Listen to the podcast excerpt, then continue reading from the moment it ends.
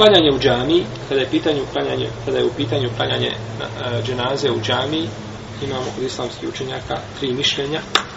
Prvo da je to mekru i to je stav Ebu Hanife i Malik, da je mekru.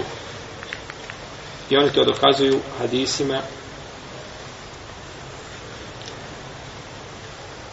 koji ukazuju da je poslanik sa osam klanjao dženazu gdje? Na Musali. Kažu, nije to činio u džami,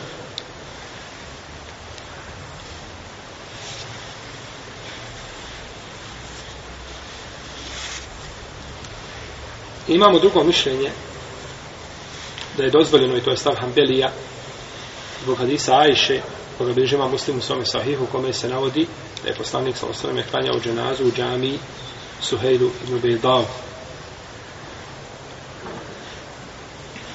I treće mišljenje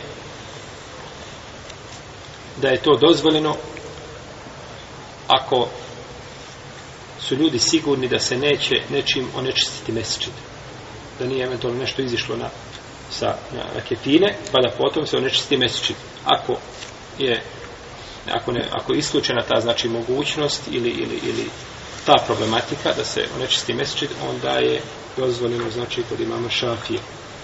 I to dokazuje isto hadisom Ajše koga smo prethodno citirali. Čak kaže da je namaz u džamiji vrijedniji zbog vrijednosti džamije. U vrijednosti džamije. Iako ovo ovo je diskutabilno. Znači, da je namaz u džami je vrijedniji, to je diskutabilno. Jer nema namaza na zemlji da je vrijedniji od namaza u poslanikovi sa osam džami.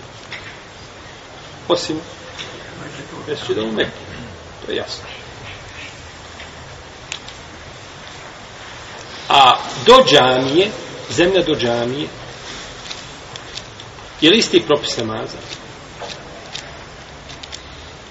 ispravno je mišljenje da ako nije spojeno sa sapovima da znači ako džamija nije puna i nije spojeno sa sapovima da to vidi samo za džamiju pa je poslanik sa osvrame pored toga izlazio i klanjao gdje pored džamije tako da ispravnije da je, dža, da je ovaj preče i bolje klanjati dženazu van džamije a ako se klanja u džamiji kod Hambelija, i kod šafija uz postavljeni uslov neće šta?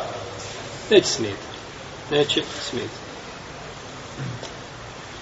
U svakom slučaju ispravno je mišljenje da je to dozvoljeno suprotno mišljenju Malikija i, Ham, i Hanefija koji to brane u smislu kerahijeta. Ali niko nije rekao da je šta?